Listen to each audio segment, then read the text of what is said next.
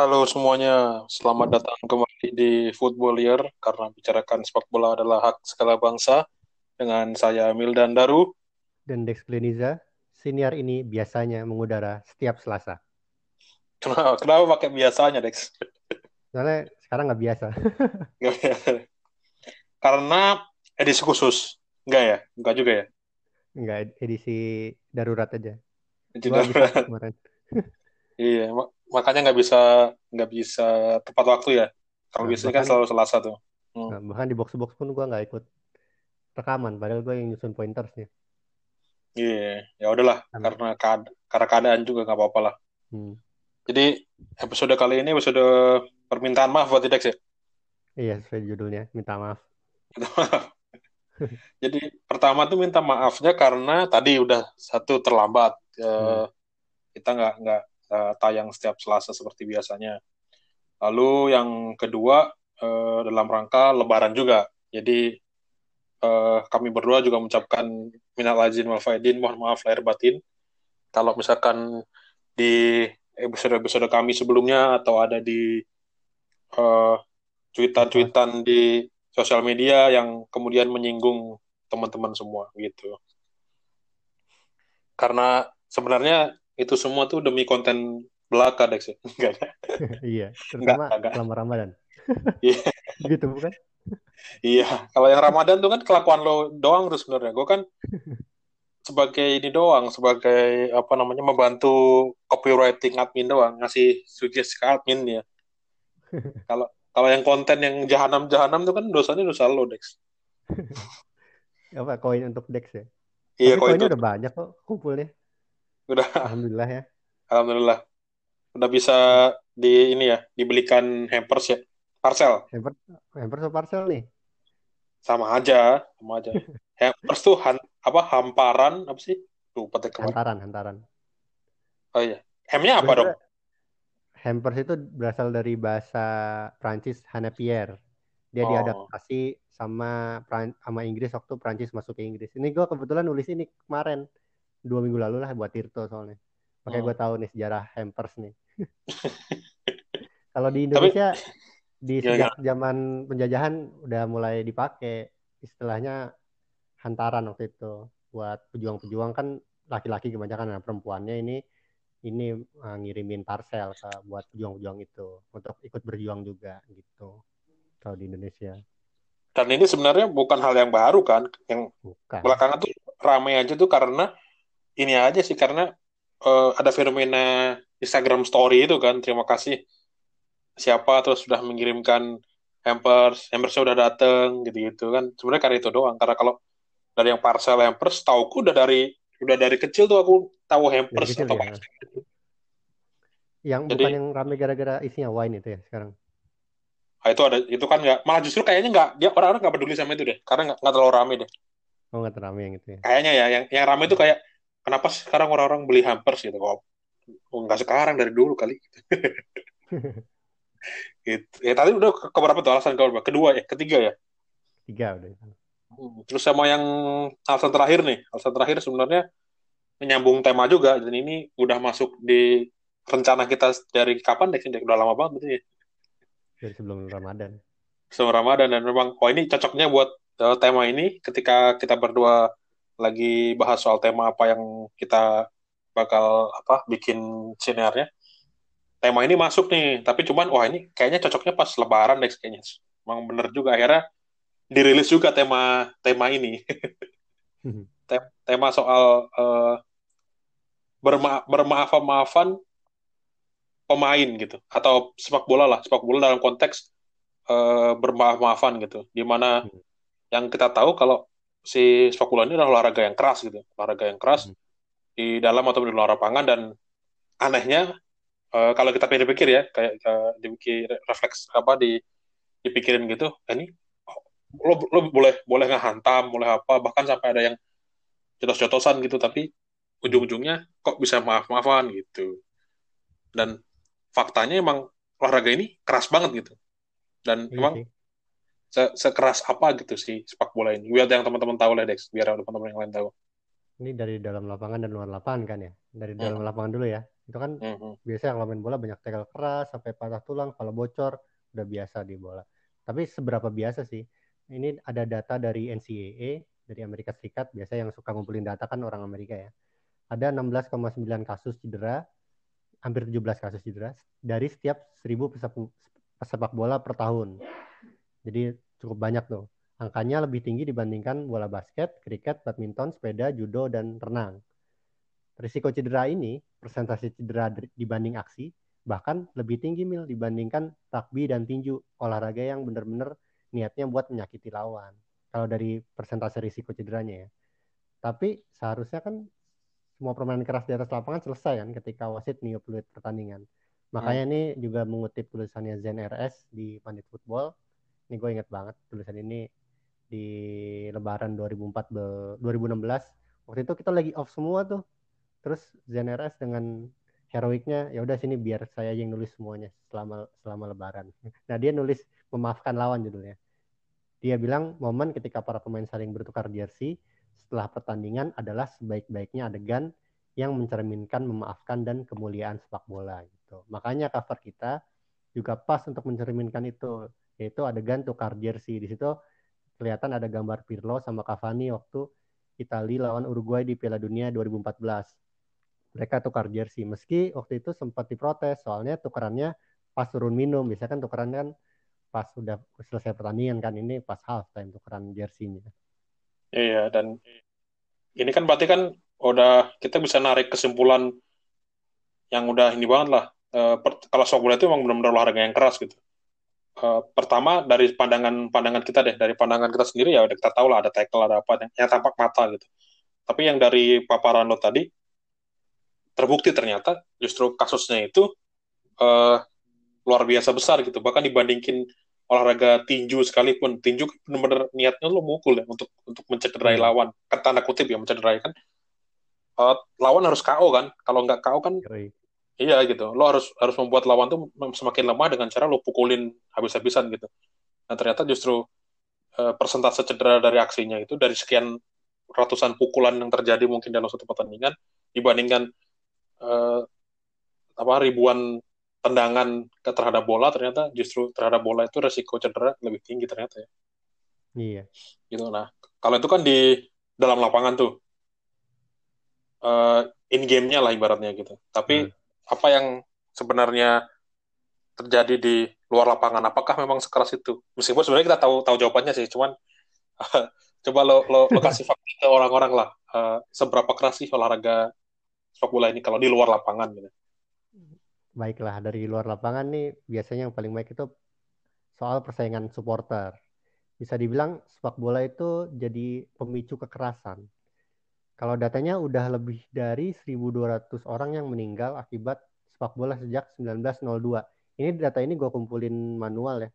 Soalnya nggak ada data komprehensifnya. Ini cuman ngelihat insiden-insiden yang besar doang. Jadi kayak misalkan kayak yang meninggal di di Turki fans Leeds lo inget gak dulu di UEFA Cup itu nggak masuk sini padahal kan ada tuh yang meninggal tuh Hmm. jadi yang adegan-adegan besar doang itu jumlahnya 1.200 orang lebih jadi kalau ada yang kecil-kecil mungkin lebih banyak lagi terus beberapa contoh misalkan tragedi, Heysel tawuran massal antara Al Masri lawan Al Ahli di Port Said di Mesir terus juga pernah ingat lo ada fan Real Madrid yang sekumpulan fans Real Madrid ditembakin ketika lagi nonton final Champions League 2016 di Irak Ta- tapi yang paling besar nih di pertandingan pertandingan El Salvador lawan Honduras.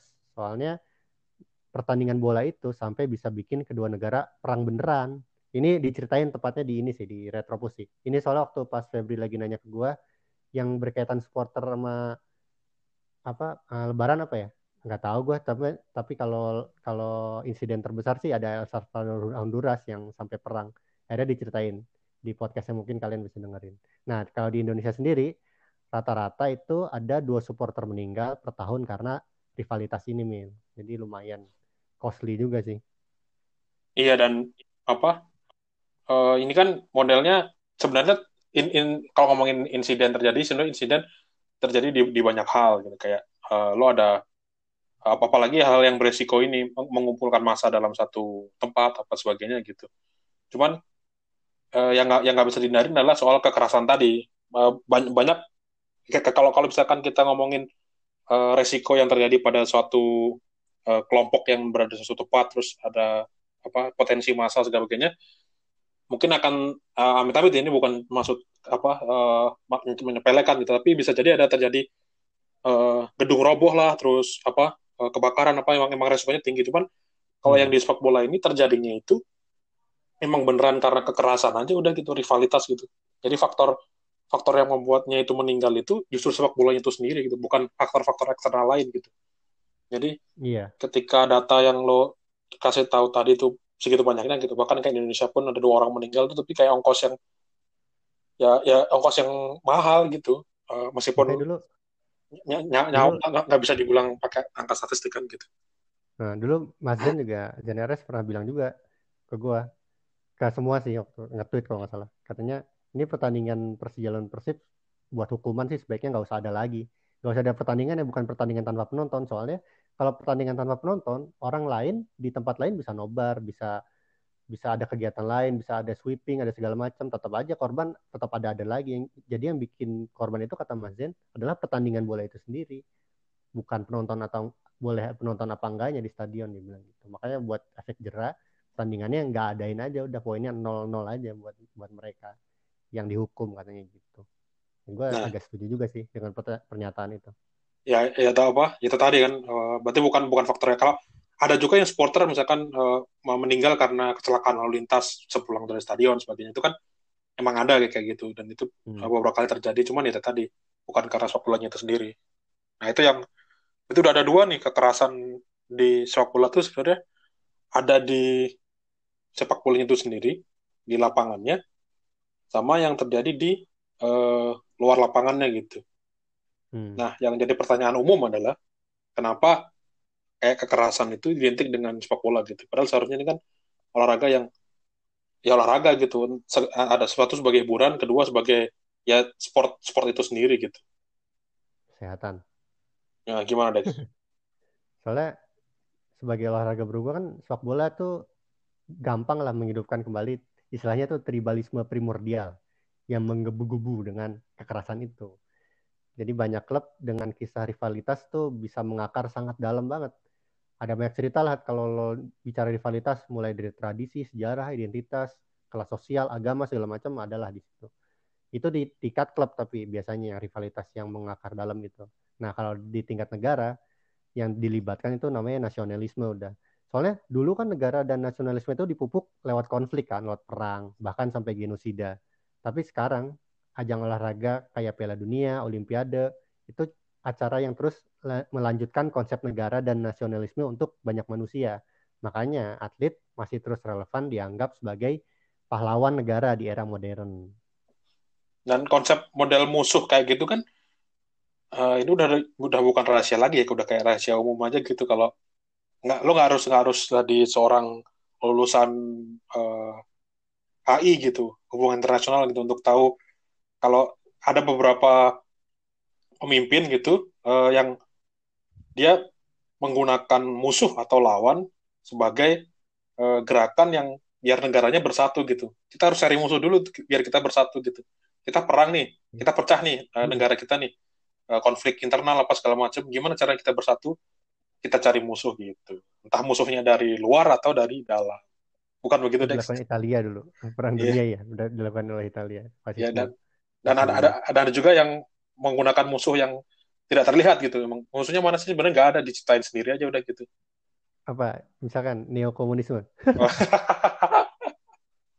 lanjut deh, lanjut, lanjut, lanjut.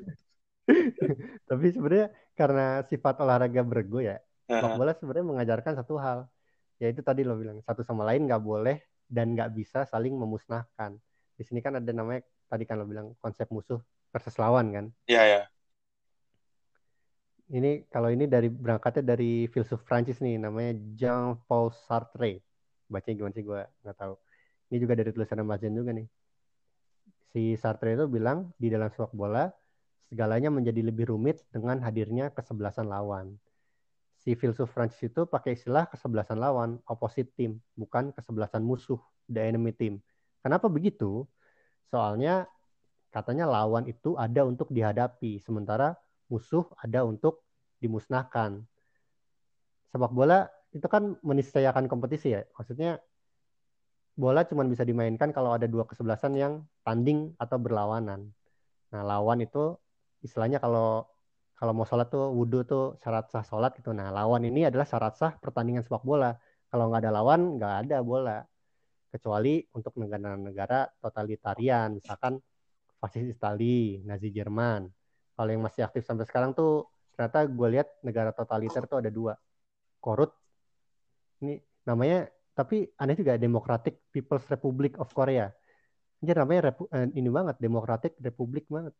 Sama Eritrea, ruling partinya namanya People's Front of for Democracy and Justice. Ini nama tidak mencerminkan tindakan ya. demokrasi demokrasi tapi totaliter gimana? Soalnya sistem totaliter itu menginginkan sekaligus mensyaratkan kemusnahan lawan politik. Makanya mereka ya buat buat ini aja apa namanya formalitas aja lawan politik tuh. Padahal sih yang menang ya itu itu lagi ya dinastinya Kim Jong Un lagi Kim Jong Il lagi gitulah. Nah pemahaman konsep lawan ini membuat kita sadar kan kalau hidup dan sepak bola itu tuh nggak selalu hitam putih. Nah sayangnya rivalitas sepak bola itu kan banyaknya berasal dari luar lapangan. Kayak Celtic Rangers itu soal uh, Protestan dan Katolik kan. Terus Barcelona Real Madrid juga soal Spanyol sama Catalunya.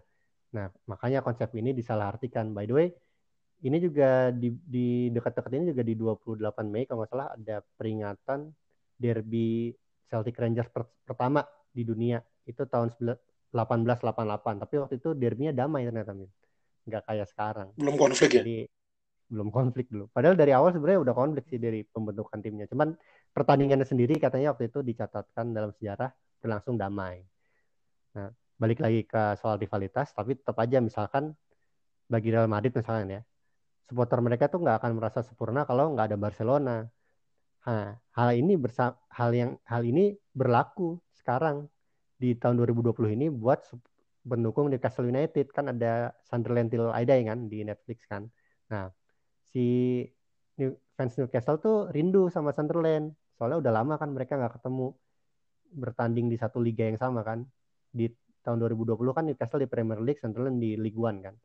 Mereka udah rindu lah gitu. Nah, hal ini juga berlaku waktu Man United treble dulu tahun 99. Waktu itu setelah itu Man City lagi mau tanding playoff tuh lawan Blackburn tahun 2000 buat promosi ke Premier League. Nah, Ferguson, uh, manajer Man United sampai nelfon pelatih Man City waktu itu Joe Royal. Dia bilang semoga uh, Man City bisa promosi ya, soalnya gue udah rindu nih laga derby dengan kalian kata Ferguson gitu. Itu yang yang membuat sebenarnya kita tuh butuh lawan di kehidupan, termasuk di sepak bola juga. Nah, kalau kalau untuk kasus per pemain, gue sih nyontohin satu aja deh yang dulu lawan Liverpool lawan Man United kan rival tuh, rival salah satu rival terbesar. Itu dua pemainnya di antaranya Gary Neville sama Jamie Carragher tuh musuhan banget dari dulu. Tapi begitu mereka sudah pensiun, sekarang mereka jadi temenan, kerja bareng, jadi pandit.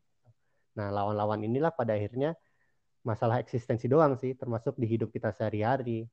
Lawan-lawan yang hadir di hidup, semua itu menurut gua elemen utama agar kita bisa memaknai hidup dan syukur-syukur bisa meraih kemenangan karena ini kan lagi momen lebaran juga kan jadi selain memaafkan lawan juga semoga bisa meraih kemenangan juga gitu Mil kalau dari gua. Soal konsep lawan atau musuh ini. Jadi sebenarnya ke lawan dan musuh ini bukan cuma sekedar bahasa doang ya bukan sekedar apa namanya mak makna yang didasari sama bahasa. Tapi kalau secara uh, implementasi di kehidupan sehari-hari pun sebenarnya uh, ya tadi kita harus bisa membedakan mana yang menjadi lawan sama yang jadi musuh itu gitu. Kalau di pertandingan gitu sebuah pertandingan lawan ya ya selama lo pas tanding aja udah gitu. Ketika beres tanding ya udah biasa aja gitu. Itu yang terjadi juga kayak yang di Gary Neville sama Jamie Carragher gitu. Akhirnya hmm. ketika mereka bermusuhan seumur hidup gitu bayangin aja lo jadi Gary Neville uh, gagal jadi pelatih di Valencia terus habis itu jadi pengangguran gitu. Kan dia direkrut kembali untuk Sky Sports kan kayaknya karena gimmicknya sama Jamie Carragher kan gitu hmm, pasti ramai iya coba coba bayangin kalau mereka berdua masih masih musuhan masih nggak mau saling ngobrol gitu kayaknya Hmm. Gary Neville jadi pengangguran deh iya.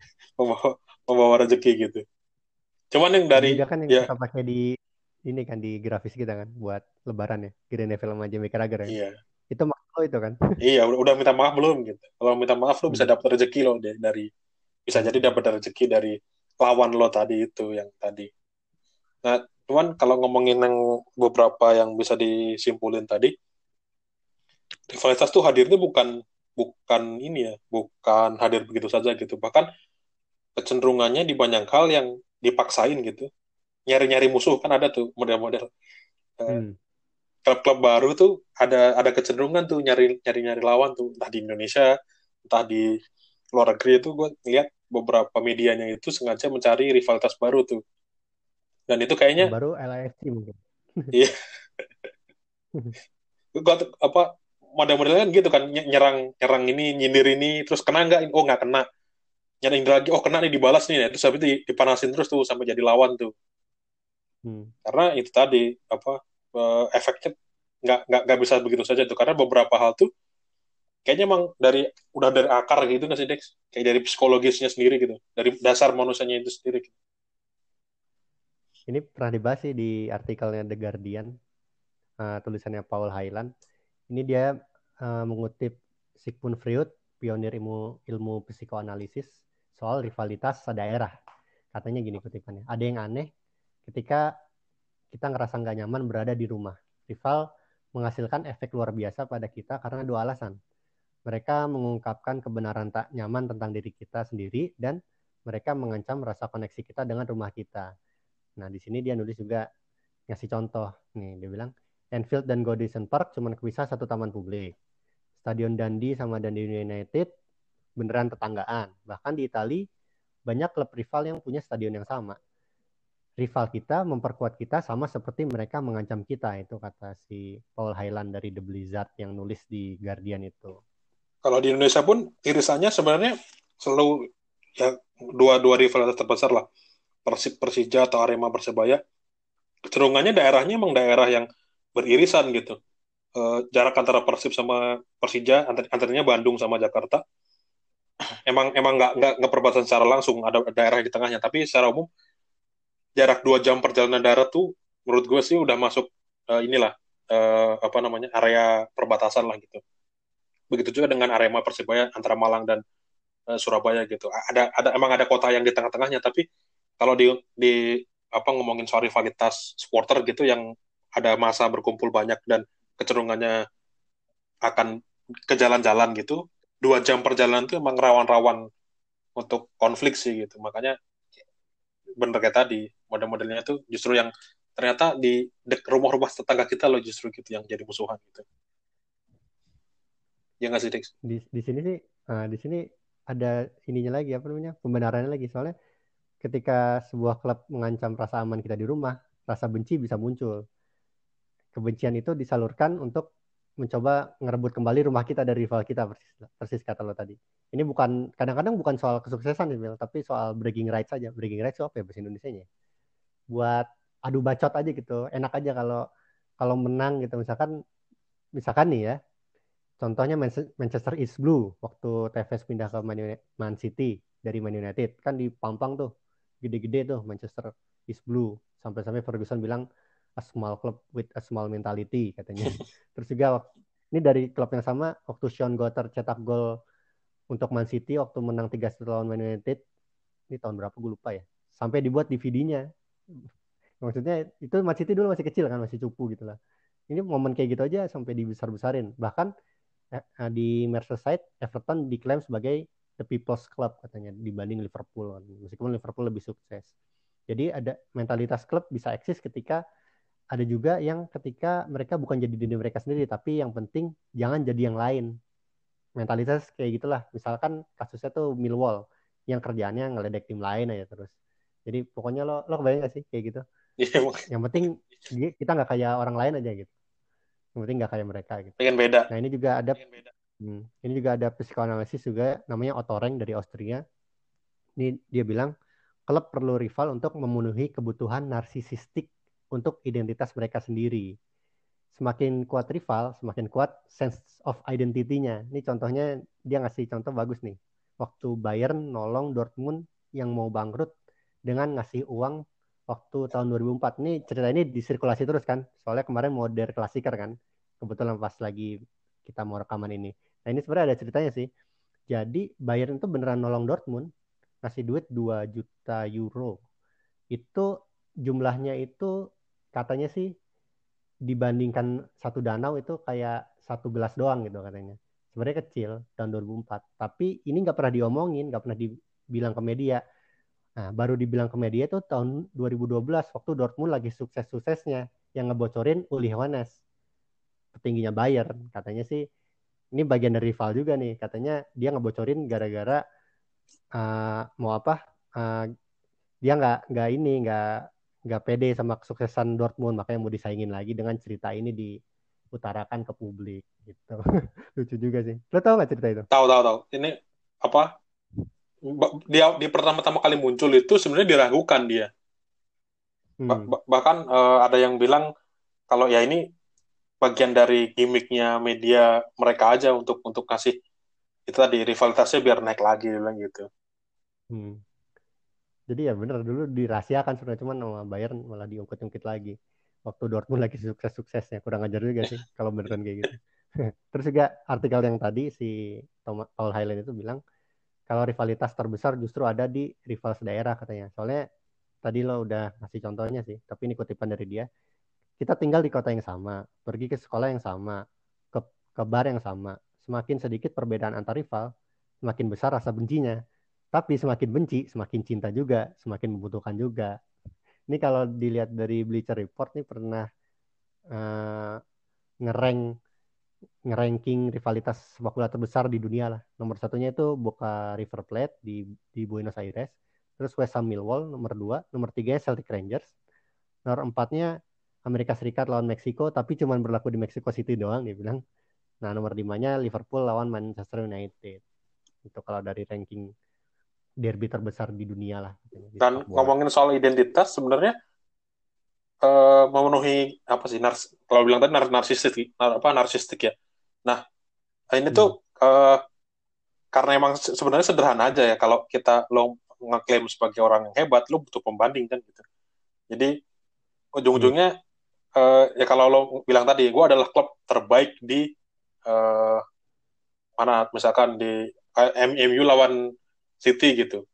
Kami adalah tim terbaik di Manchester gitu. Kalau ngomongin Liverpool Man United, saya adalah tim terbaik di Inggris gitu tersukses terbaik hmm. segala macam gitu tapi ketika lo nggak ada lawan gitu ibaratnya susah juga lo mau lo, lo mau ngeklaimnya gitu lo bilang sebagai orang terkuat gitu saya adalah orang terkuat di di dunia karena bisa ngangkat uh, satu ton gitu ibaratnya meskipun nggak mungkin juga ya tapi bisa ngangkat satu ton tapi lo bisa hilang bilang kalau lo terkuat dari mana ketika lo nggak nggak ketemu musuhnya gitu jadi ketika ada musuhnya, iya ada pembandingnya, ya lo bisa bilang lo terhebat, terter gitu. Lo terter kan harus ada pembandingnya. Mungkin kayaknya itu sih yang membuat orang-orang akhirnya dicari-cari juga tuh kayaknya.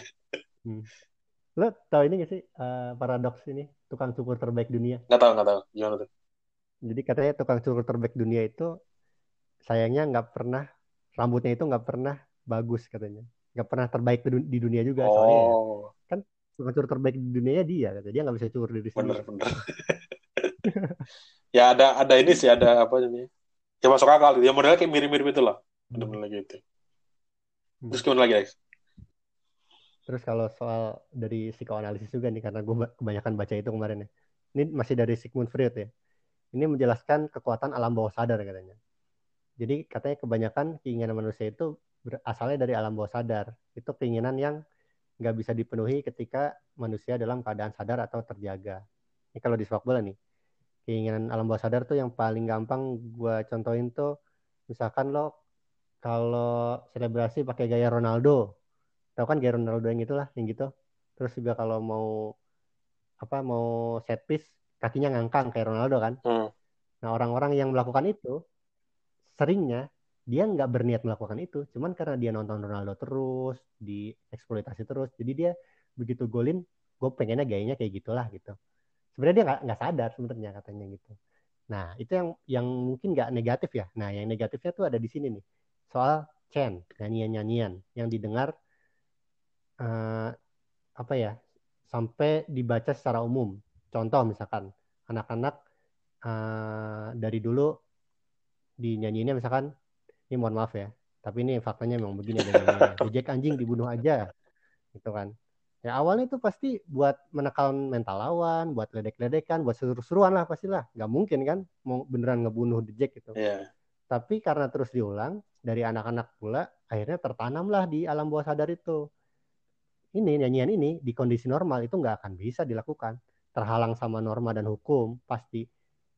Ngebunuh kan ini kan selain dosa juga dijerat hukum kan, masuk penjara bisa orang. Tapi di kondisi tertentu, misalkan di gerombolan fan rival gitu, ya bisa dilakukan karena refleks aja gitu, bukan bukan karena niat lo kalau ditanya, misalkan supporter yang ngebunuh gitu, nggak nggak pasti nggak bilang ya gue niat dari rumah yang mau ngebunuh orang itu.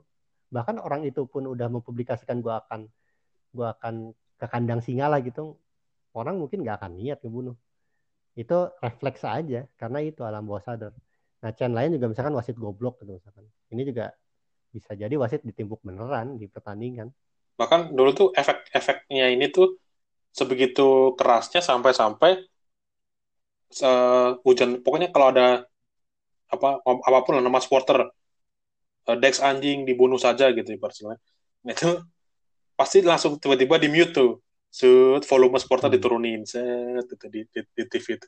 Dan itu sampai sampai sekarang juga sih. Cuman eh, sekarang agak jarang karena udah ada mulai agak tegas tuh eh, aturannya apa kalau ada ujaran kebencian kayak gitu ini bukan bukan rasis ya ini ujaran kebencian ya yang sampai Hmm. salah tuh ujaran kebencian kayak gitu eh, wasit berhak menghentikan pertandingan kalau di Liga Indonesia karena emang tadi ya efeknya awalnya dikira ya udah seru-seruan aja gitu ternyata sampai kemudian dibunuh dibunuh beneran gitu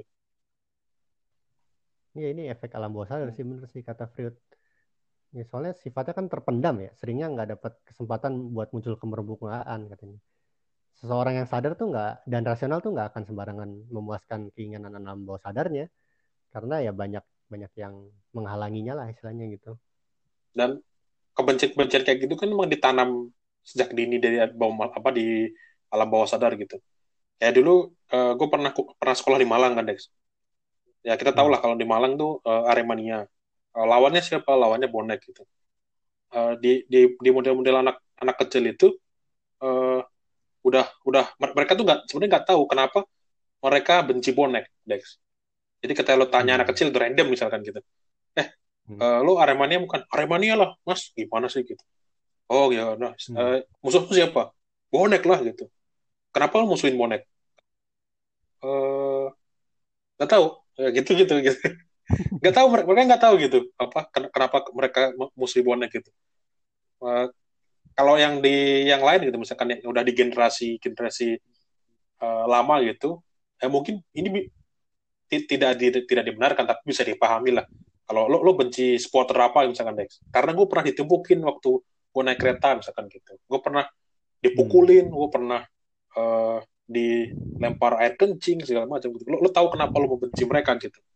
Tapi yang model-model lama Gue pernah dilempar air kecil loh, di mana Dex? Hah? waktu nobar. Anjir. Goblok banget. lu. Kayak gitu lo lo bisa karena lo di kencing kan lo bisa benci supporter lawan kan? Supporter siapa sih? Bisa, eh, bisa. Cuman gue nggak benci. Biasa Ya, ya kayak gitu. Misalnya lo, lo, lo gue bisa memahami lah kenapa lo benci gitu. Tiba- Oh, karena lo pernah dilempar air kencing gitu. Ini kan anak kecil yang di alam bawah sadar tadi kan, mereka sendiri nggak tahu kenapa mereka musuh musuhan sama supporter lawan gitu. Dan bah- bahkan model-model kayak gitu bisa bisa cari gitu. Oh, karena dulu pernah ini gitu. Nah, mereka googling dulu tuh. Kenapa gue harus harus membenci? Oh, gue kenapa harus membenci ya? Googling dulu ah gitu. gitu. Ngerinya alam bawah sadar gitu. Gitu Dex. Ya, tapi selain alam bawah sadar juga yang bahaya juga kalau soalnya supporter itu kan rivalitas itu sifatnya berkelompok ya, terutama supporter ya. Misalkan contohnya orang cenderung melanggar kalau lihat ada orang lain ngelanggar juga kan. Ini kalau di situasi COVID-19 kayak gini banyak yang nggak tertib sih kalau menurut gue juga gara-gara itu juga sih. Ya orang udah ngelihat wah dia udah bisa ke pasar senaknya gue ikutan ah kayak gitu. Ini juga soalnya gara-gara berkelompok itu orang cenderung lebih lebih merasa benar lah gitu. Itu juga yang kenapa kalau udah sama-sama gampang digeneralisir, disamaratakan. Contohnya misalkan kalau ada pertandingan El Clasico Indonesia misalkan di Bandung, plat mobil B di sweeping tuh. Padahal kalau kalau nanya secara baik-baik ke orang di dalam mobil plat B itu yang dari Jakarta, lo pendukung Persija bukan? Ya nggak pasti dia pendukung Persija sih. Ya kalaupun dia pendukung Persija juga sowat juga gitu. Emang harus dihancurin mobilnya kan nggak juga gitu kan. Hmm. Ya itu juga terjadi juga sebaliknya waktu di Jakarta dan di daerah-daerah lainnya lah. Itu kalau di Indonesia kayak gitu sih. Dan model-model apa berkelompok itu juga yang terjadi di stadion. Beberapa hal yang entah kekerasan, entah pelanggaran-pelanggaran gitu. Emang model-modelnya selalu ada yang ngawalin tuh, Dex. Misalkan lemparan ke botol gitu. Pertama slow, slow gitu. Cuma Hmm. caci maki doang. Misalkan ada permasalahan dengan wasit atau pemain lawan gitu. Cuman kata-katain doang, goblok, goblok, goblok, goblok, gitu, gitu doang. Udah. Tapi begitu entah dari mana, entah dari sudut mana gitu, lo kan nggak tahu ya tiba-tiba sudut mana. Tiba-tiba sius gitu, ada yang satu ngelempar botol, sius. Itu kayak nggak nyampe 5 detik, 6 detik, langsung tiba-tiba sus, sus, sus, sus, gitu. Semua orang langsung lempar botol. Gitu. Model-modelnya emang kayak gitu. Ketika udah ada yang duluan nih, ada siapa nih? Gitu. Oh, ada ada ada temannya kok. Kayak ngelanggar putar balik di apa namanya? eh, jalan gitu. Nggak nggak boleh putar balik ada tanda dilarang. Iya. Lo nggak akan putar balik ketika semua orang lurus Dex gitu. Tapi ketika ada Hmm. lima orang kendaraan di depan lo pada putar balik, ayo putar balik juga gitu. Terus yang ngeselin ya kalau ditangkap polisi, gue bakal bilang itu di depan kok nggak ditangkap juga pak. Iya. Gitu. Jadi nyalahin orang Iya, lain. padahal lo sendiri juga salah sebenarnya. Diri sendiri. Sama model-model itu juga mungkin ya. eh, kalau ngomongin di rivalitas modern, selain dari alam bawah sadar, juga kayaknya fenomena internet dan media sosial berpengaruh gede gak sih, Dex? Buat itu tuh. Ya, Pasti. jadi Internet, media sosial. yang awalnya dulu nggak ketemu gitu, terus tiba-tiba jadi ketemu gitu, sering ketemu gitu. Kayak ngomongin rivalitas zaman dulu di era Liga Indonesia, awal-awal gitu yang masih pakai konsep 8 besar, Eh, ada emang ada masih apa udah ada dari dulu tuh supporter berantem tawuran segala macam udah ada gitu cuman terjadi tuh beberapa kali tuh di 8 besar dan itu insiden kecil lah. Ah, ada sih beberapa insiden sampai gede dan sampai membuat timnya mundur. Cuman eh, kebanyakan yang Hmm. itu tuh beneran insiden kecil gitu. Itu terjadi 8 besar setahun sekali Dex ibaratnya gitu. Supporter tuh jarang yang away gitu masih jarang nggak nggak kayak sekarang. Sekarang kan Hmm. udah lah, apa beda pulau tuh udah biasa banget gitu karena pesawat makin murah segala macam pendapatan orang makin tinggi. Nah cuman fenomena yang internet dan media sosial itu membuat yang dulunya ketemu cuma setahun sekali jadi kalau lo lo ke Jakarta nih karena 8 besar tim lo ketemu supporter lain Hmm. terus berantem tuh tetek tetek kalau mau berantem lagi lo nunggu nunggu tahun depan itu juga kalau tim lo lolos 8 besar kan gitu kalau tim lo nggak lolos Nah, besar besar nggak ketemu lagi sama supporter itu jadi kayak udah lupa aja pernah konflik gitu cuman Hmm. kalau yang ya kalau lolos juga lupa. Iya gitu. makanya udah udah setahun gitu. Cuman di fenomena Hmm. yang mendekatkan yang jauh menjauhkan yang dekat ini di media sosial itu membuat kita bisa bisa ketemu sering tuh. Jadi ketika lo habis dilemparin semalam, lo masih bisa ngata-ngatain sampai seminggu ke depan. Jadi terpupuk terpupuknya dan akhirnya melebar ke mana-mana kan. Eh, Iya. lo dulu benci karena lo pernah dilempar gitu. Nah kalau sekarang orang bisa benci karena temennya di video yang beredar di media sosial terlihat dilempar sama lawan gitu, dilemparin batu, dilemparin apa segala macam. Itu sih kayaknya yang bikin itu, ya nggak sih? Iya. Jadi awalnya tuh itu, apa hipotesisnya? hipotesisnya dari ini berarti ya permasalahan sosial tuh yang seringnya ada yang dari ditanamkan sejak kecil, ada yang dari bawah malah Hmm. sadar, dan kebanyakan emang sebenarnya tidak tidak tidak terlibat langsung di konfliknya itu sendiri nggak sih Dex? Hmm. Gimana? Terus sama berkelompok sama mudah menggeneralisir. Iya, Itu sama sekarang media sosial juga semakin menjadi-jadi. iya sih. Nih, ini juga soal fans ini juga soalnya ada jurnal lawas nih yang selalu disinggung nih sampai sekarang. Tapi ini gue mau bicara topik loyalitas fan. Nama jurnalnya The West Ham Syndrome. Itu jurnal tahun 1997 udah lama banget. Dari Trish Stewart dan Ken Parker. Intinya sih gini isinya. Perusahaan komersil itu iri sama loyalitas fan di sepak bola. Misalnya kan kalau kita kan kalau milih produk juga, misalkan kayak mie instan sampai ojek online gitu banyak pertimbangannya kan terutama soal harga lo kalau bandingin lo mau di situasi normal misalkan lo mau berangkat kerja lo lihat di satu ojek online harganya 8.000 tapi lo cek ah di satu aplikasi lain harganya 7.000 lo ganti kan dengan Ya, mudahnya karena kan? nganggapnya layanannya sama-sama aja gitu. Sama aja. Nah, kata kata jurnal ini tahun 97 nih, di sepak bola konsumen tuh akan loyal seburuk apa pun produk yang dihasilkan. Jadi kayak misalkan tim itu degradasi, tim itu main jelek, supporter tuh tetap loyal aja ngedukung mereka gitu. Makanya mengingat loyalitas fan di sepak bola ter- itu tergolong nomor satu, ini gue mau nanya ke lo nih, apa kemudian sebaiknya memang jangan diledek supporter bola tuh, soalnya nggak boleh disinggung lah, soalnya mereka loyal banget. Gimana Mil menurut lo? Ah, kalau yang model-model konsep jangan menyinggung dan menyinggung itu sebenarnya justru aneh juga sih. Eh, terutama ini ya, terutama di di sepak bola lokal gitu ya. Ada ada peraturan, peraturan tidak tertulis di media, di eh, akun media sosial mana pun gitu ketika lo fanbase atau apa eh, jangan nyinggung eh, fans sepak bola lokal. Ada peraturan tak tertulis itu Dex. Karena itu nggak Hmm. nggak boleh nggak boleh nggak boleh disenggol gitu. Lo kalau mau nyoba nyoba nyenggol gawat gitu. Nyerangnya nyerang apa eh, panas gitu lebih panas dari apa pun gitu. Bisa nggak selamat Iya. ya?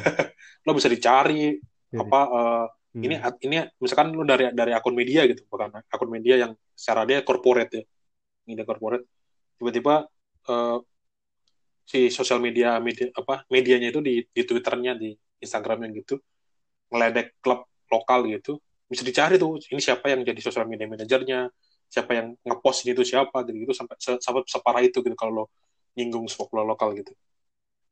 Dan kayaknya sih model-model apa eh, kayak gitu tuh karena be, ka- kan menurut gue sih karena karena karena tadi yang model-model ala bawah sadarnya lah terus apa eh, didikan dari kecilnya itu tuh begitu kuat gitu antara yang sepak bola lokal dan luar gitu. Makanya kalau ngomongin di sepak luar biasanya boleh boleh dipanasin tuh Dex. Lo kalau lagi ngomongin MU sama Liverpool dari tadi gitu kan media justru dipanas-panasin Dex ya karena biar mancing konflik buat seru-seruan biar ngeramein gitu. Bikin hype segala macam. Kontennya dibanyakin gitu. Eh, dibahas-bahas. Ya gitu. pemain yang pernah berantem siapa aja pemain yang pernah nyebrang siapa aja gitu gitu justru di justru digedein gitu. Konfliknya. Biar biar makin mendekati kick off makin panas supporternya. Justru dipanasin. Hal kebalikan justru terjadi di Indonesia gitu. Ketika ada big match yang kemungkinan ada supporter eh, berantem gitu mereka justru damai. Udah jangan ini. Sebelum kick off ada apa namanya spanduk. Kita satu apa segala Hmm. macam gitu gitu terus antara sosial medianya pun dilarang untuk saling ngeledek gitu. Kalau di lokal tuh mentoknya paling cuma pantun doang nggak sih Dex adu pantunnya Iya. dan itu pun adu pantun dari klub yang sebenarnya mereka tidak bermusuhan secara sejarah gitu. Jadi yang yang temenan aja gitu sama teman sendiri gitu. Model-model kayak gitunya gitu. Makanya kayak gini tuh lu- lucu juga apa fenomena-fenomena antara luar dan luar dan da- apa eh, lokal gitu kalau menurut lu gimana Dex? Hmm. Nah, lo berarti cenderung setuju kalau sebaiknya dipanas-panasin justru. Apa gimana, Bil? Gue mau nanya dulu Eh, sebelum gue merespon. dengan syarat gitu nanti deh nanti jelasin di di di, di, di, di selanjutnya. Oh, di ini kita bahas di kesimpulan aja. Ah, boleh ha, ha, ha. Gimana? Apa lo mau tahu respon boleh gue kalau menurut lo yang fenomena ini gimana dulu deh nanti gue tanggapin lagi gimana Fenomena ini menurut gua itu bukan hanya sebatas sepak bola. Di situ akarnya itu di pendidikan. Ah. Eh, menurut gua SDM Indonesia belum siap aja sih. Makanya cara-cara kayak gitu tuh belum bisa diaplikasikan di Indonesia. Pengennya sih gua diaplikasikan, rivalitas dipelihara kayak gitu-gitu. Oh, gue seneng banget itu kalau bisa dilakukan. Tapi karena gua tahu masyarakat Indonesia belum pada siap, sebaiknya jangan dulu deh. Kayak misalkan ya itu kalau di situasi sekarang kayak COVID-19 itu aja. Ya orang-orang yang pergi ke pasar kayak gitu-gitu, gua gua rasa mereka bukannya nggak peduli kesehatan, cuman mereka ya mohon maaf nih, nggak pada tingkat kita aja. Nah ini ya edukasinya. kalau mereka pintar sih ya mereka nggak akan melakukan itu makanya di sepak bola juga kayak gitu menurut gua Hmm. Ya, tapi apa ke selain itu kayaknya ada harus ada harus ada tindakan kalau menurutku sih ada harus ada tindakan untuk ke arah sana gitu. Eh so- segala hal yang bermusuhan itu menurut gua akan selamanya jadi musuh ketika lu nggak pernah ketemu justru gitu. Ketika lo pernah ketemu, lu Hmm. pernah eh apa namanya? Jadi an- anak kecil yang tadi lo doktrin misalkan eh kena kena doktrin musuhan gitu. Dia sendiri belum pernah ketemu bisa jadi dia belum belum pernah ketemu lawannya dia gitu. Jadi Iya, eh, benar-benar. ketika ditemuin ternyata ini ini ini lawannya nih pakai seragam nih. Sama-sama nih. Terus gimana Hmm. mau mau diapain gitu? Emang dia mau mukul beneran waktu kayak dia kewar-kewar sebelumnya gitu. Oh kalau kalau ketemu gue pukulin gue hajar gitu gini. Gini terus dia didatengin tuh Kalau didatengin nih. Satu lawan satu nah, nih gitu. Gimana? Masih mau mukulin nggak gitu? Kayaknya kalau setelah kayak gitu Hmm. mereka juga bingung ya kenapa gue harus mukulin ya gitu nah itu model masalah perspektif Iya perspektif kayak iya Iya. model-model kayak gitu gitu. Eh, bahkan kalau kalau yang apa namanya, eh gue udah udah udah tiga berapa kali? Tiga tiga kali lah, tiga kali ke ke Kuala Lumpur buat nonton Malaysia lawan Indonesia gitu. Eh Hmm. selalu antara yang lebih panas, lebih panas ini, lebih panas benci Malaysianya itu justru orang yang ternyata tidak hadir di stadion, Dex. Menurut gue Hmm. di stadion panas, mereka panas, bahkan lempar-lemparan juga gitu. Gue juga ikut-ikutan lempar-lemparan. Cuman maksudnya Hmm. sebe- apa efek bencinya itu nggak justru lebih lebih gede yang justru nggak hadir di sana gitu, nggak nggak tahu nggak tahu nggak tahu medannya, terus nggak tahu nggak pernah ketemu gitu gitu. Karena memang anggapnya masih hal-hal yang lo menurut lo, hal-hal yang lo takutin lo jadi musuh gitu justru hal-hal yang lo pernah lihat gitu lo pernah lihat lo tahu emang ini layak dimusuhin atau enggak gitu apakah emang orang-orang ini layak untuk dipukulin gitu. Kayak misalkan lo yang tadi kan kalau lo pengen mukul apa layak dipukulin atau enggak?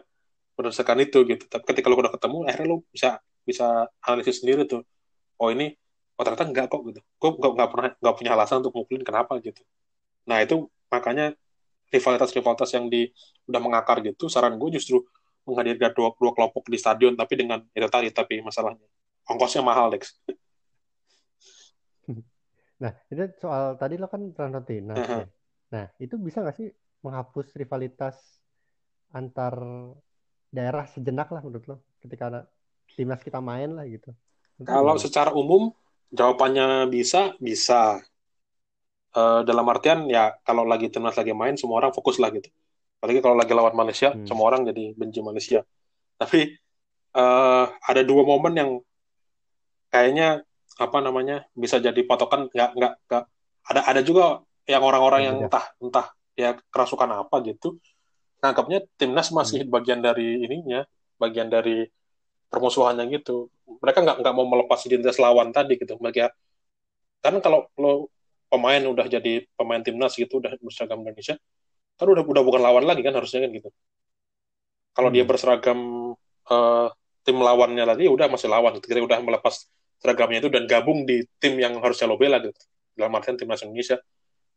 Masalahnya ini pernah terjadi juga kayak eh, dulu di Stadion Siliwangi itu tahun 2010 ingat banget. Indonesia lawan Maladewa. Eh Hmm. ya bener Maladewa kalau nggak salah ya. Pokoknya di, di Stadion Siliwangi dia uji, uji, uji tanding waktu itu. Gue nonton tuh langsung di stadion Dex beneran di stadion. Ini bukan katanya katanya ya. Cuma gue nonton sendiri. Bahkan di Hmm. tribun itu Eh, Bam- kan di Stadion Siliwangi Bandung. Bang Pamungkas Hmm. dari masuk pemanasan udah dikatain Dex wah udah udah udah caci maki lah. Udah apa pun keluar kata-kata entah dari binatang. Bahkan sampai gue beberapa kali juga dengar juga ngomong ngomongin ibu lo bla bla bla gitu. Sampai ibu Dex. Hmm. jadi se, Hmm. se- Parah separah itu gitu. Intimidasi itu dilakukan lakukan sejak masuk pemanasan. Terus eh, puncaknya Hmm. kalau nggak salah dulu man dia man nggak ngegolin kalau nggak salah ini. Gue lupa. Terus Hmm. akhirnya di- dia keluar diganti gitu. Nah itu makin di makin disorakin tuh. Wuh, wuh, wuh, gitu bayangin lo udah pakai baju tim nasional ini ini masih ada beritanya seharusnya ya kalau tercover ini kalau Hmm. kalian googling harusnya ketemu sih itu se, se Ini apa? Lawan Ma- lawan Maladewa. ya? Maladewa Indonesia itu di di Stadion Siliwangi Ma- Mala Maladewa tuh timnas putra ya? Timnas Putra Timnas Putra kalau Timnas Putri Hmm, Maladewi Timnas putri Maladewi. udah tahu kalian udah Iya, tahu iya. belokan lu guys nah ini kan 2010 nah dari 2014 kejadian sama Hmm. tapi ini gue gue nggak gue nggak di stadion ini gue tahu dari berita Ferdinand Sinaga waktu itu. Dia masih membela Persib, terus eh, uji tanding juga kalau nggak salah dia. Dan dikatain supporter tuh di tribun. Kalau yang tadi bom Pamungkas kan apa diem tuh nggak ngelawan kata tanda kutip. Hmm. Si Ferdinand Sinaga kebalikannya ini kan fighter banget ya modelnya orangnya. Ini. Manjat Iya. pagar Dex, manjat, manjat Temperamen pagar ya. GBK Dex nantang supporter. Dicari supporternya Dex. Mana tadi yang ngata-ngatain gitu-gitu. Itu videonya masih Karena- ada kok sekarang Iya, masih makanya, gitu. Jadi ini Hmm. ini dua contoh langsung dari dua supporter yang berbeda, dari dua pemain yang berbeda, yang rivalitasnya sama gitu. Jadi sebenarnya kalau ngomongin tadi uh, supporter ini lebih kurang ajar enggak, eh sama-sama aja ternyata dua-duanya kan gitu. Dan timnas belum tentu bisa mempersatukan. Iya juga. ternyata gitu. Uh, konsep konsep Hmm. mungkin karena doktrin dari awalnya yang terlalu ini ya, terlalu keras gitu, akhirnya membuat mereka susah gitu. Gitu sih. Hmm. Tapi cuman kalau kesimpulan lu gimana Dex soal ini secara umum?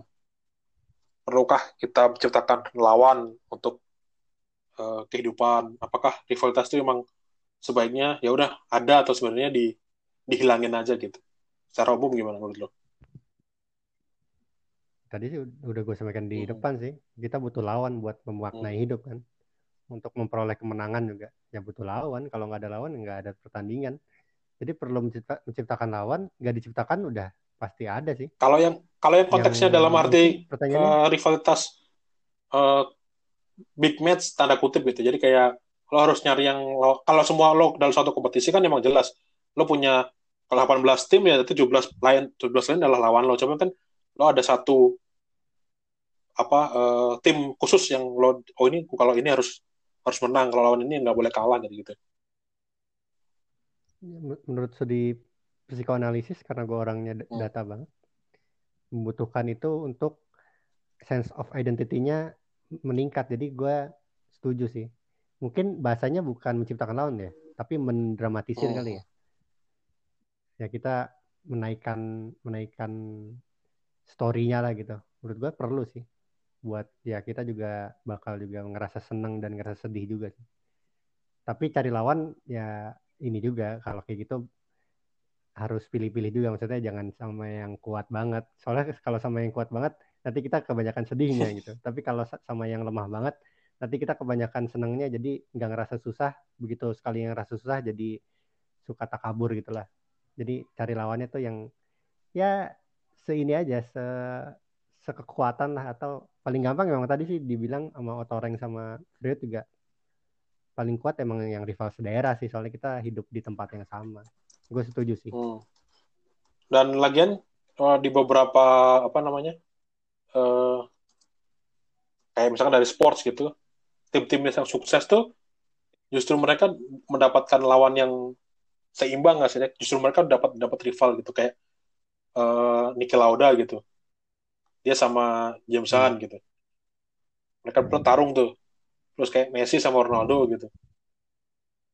Ford Ya. Ford, Ford dan Ferrari gitu. Nah, model-modelnya memang iya sih, apa eh, justru di- di- dijadikan batu batu pijakan juga kalau lebih yang biar lo bisa lebih kompetitif gitu. Kalau nggak ada, nah itu juga yang terjadi di Champions League Dex. Sejago-jagonya PSG pun Hmm. mereka jago banget tuh PSG tuh. Nggak ada lawan di, Hmm. di di League One gitu. Mereka juara berapa berapa Hmm. berapa musim terakhir ya? Lima, enam, tujuh lupa lagi. Itulah udah nggak ada lawan. Nah di Liga Champions babak belur mereka Dex. Karena nggak Hmm. nggak nggak ada yang bikin Iya. mereka jadi kuat gitu. Kalau kalau mereka bisa jadi kuat gitu, justru akhirnya apa eh, mereka punya punya harus harus berlatih harus berlatih soalnya di di di, di liga lokalnya mereka nggak boleh kalah sama rivalnya gitu. Makanya ketika itu mereka harus nambah pemain bagus memperbaiki taktiknya gitu. Dan ya, ya tertempa gitu tertempa jadi main di Champions League tumbuh jadi tim yang kuat banget gitu. Tapi ketika lo nggak perlu pakai pemainnya pem- orang lo nggak nggak nggak berkeringat tanda kutipnya pun udah bisa menang PSG di Ligue 1 Hmm. akhirnya ya udah mereka di Liga Champions nggak nggak jadi kuat gitu. Itu juga kayaknya terjadi sama Juventus yang dulu-dulu di waktu mereka apa di beberapa tahun terakhir eh, tapi akhirnya bisa naik lagi itu kan kayaknya karena ada rivalitasnya tadi kan.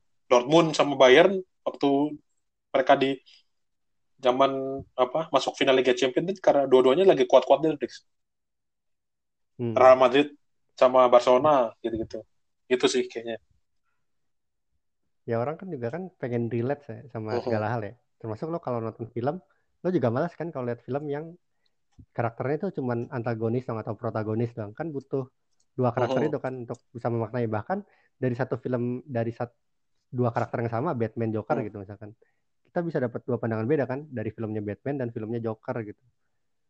Yang tadinya Joker itu penjahat bisa jadi Joker itu pahlawan dari sudut pandangnya Joker. Ya begitu juga di hidup ya kita memang butuh antagonis protagonis itu sih. Makanya itu juga yang membedain Paris sama Barcelona Real Madrid kali ya. Paris mungkin nyari musuhnya kegampangan kali ya. Nyari, nyari lawannya kegampangan kan kalau Barcelona Real Madrid kan udah setara lah istilahnya. Makanya mereka di Liga Champions juga jadinya kuat sama-sama Hmm. kuat kan. Nggak nggak secupu PSG di di Champions League gitu. Soalnya di Ligue 1-nya mereka ya lawannya kegampangan. Meskipun mereka punya kayak Lyon, Marseille gitu. Hmm. Ya nggak nggak se nggak setara Hmm. aja. Berarti ci- cita-citanya tuh ini apa namanya? eh kalau gue sih itu tadi mewajarkan ejek-ejekan yang selama lo nggak nggak ini nggak nggak nggak menyinggung hal-hal yang entah sara entah eh, ujaran kebencian gitu-gitu. Eh, tapi kalau Hmm. itu tadi misalkan kalah tim-tim lah- kalah gitu wajar kok ngomongin tim lo butut gitu itu yang MU MU kalah Liverpool kalah tuh kan lo inget banget kan gimana timeline tuh ketika salah satunya kalah gitu diledekin semua orang Iya. gitu. Itu kan yang nggak nggak bisa terjadi sama di eh, Liga Indonesia gitu. Public figure gitu yang non non bola ya tanda kutip. Kayak entah stand up komedian entah artis gitu-gitu yang suka bola kebetulan suka bola. Mereka enggan banget tuh nyenggol apa namanya nyenggol klub lokal gitu ketika ada yang kalah gitu. Itu kayaknya yang menurut gue sih harusnya iya harusnya harusnya di harusnya di mulai dibiasakan lah gitu. Sama itu tadi kehadiran supporter karena menurut gue ya tadi kalau seharian supporter kayaknya eh, ini bisa reda justru karena itu deh mungkin ongkosnya bakal bakal sangat besar ya karena Kalaupun ongkosnya susah juga kita bisa pakai apa tuh? Waktu itu apa namanya? Istilahnya? bubble match Bubble match. bubble Iya, match. ya bubble match itu mahal Hmm. itu kan karena harus mengerahkan banyak personel untuk bikin barikade, terus untuk mengawal dari kota satu ke Hmm. kota lainnya di perbatasan gitu-gitu.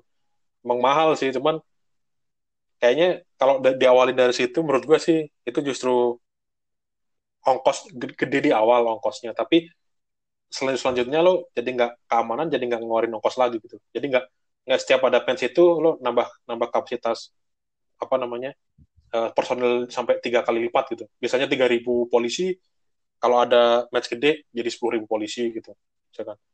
Itu kan Hmm, ini gue pernah wawancara ini sih siapa Angki yang supporter Mhm. Persib yang waktu itu pernah datang bubble Hmm. match ke Sleman waktu lawan Persija di Sleman sama di Malang kalau nggak salah. Nah dia bilang sih it- eh, bubble match pengalaman yang mengasihkan, cuman dia rasa itu nggak nggak bisa terrealisasikan terus di Indonesia karena pihak keaman- keamanannya tuh males aja gitu. Males aja buat buat ngambil risiko gede. Ya udah kalau ada risiko gede cenderungnya udah pertandingan lebih baik ditunda aja di tempat netral aja kayak gitu. Mereka males aja kalau kata Anki gitu. Gua gue sih gue sih setuju sih waktu pas wawancara dia juga. Iya juga sih ya bener. kalau nggak salah juga ada pertaruhan jabatan juga kan. Dex. gara-gara mahalnya. Iya. Kalau kalau lo nge-approve ACC terus ada Kenapa- insiden Kenapa, kan ini jadinya Hmm. lo harus jadi orang yang paling bertanggung jawab kan karena lo yang menyetujui eh, izin keramaiannya tadi. Ya udah. Kayaknya kayak gitu Iya, Dex ya. Cukup aja. Iya.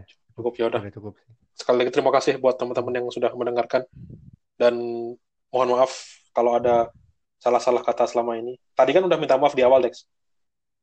Itu untuk Ini itu untuk minta maaf minta maaf di awal itu untuk episode-episode sebelumnya.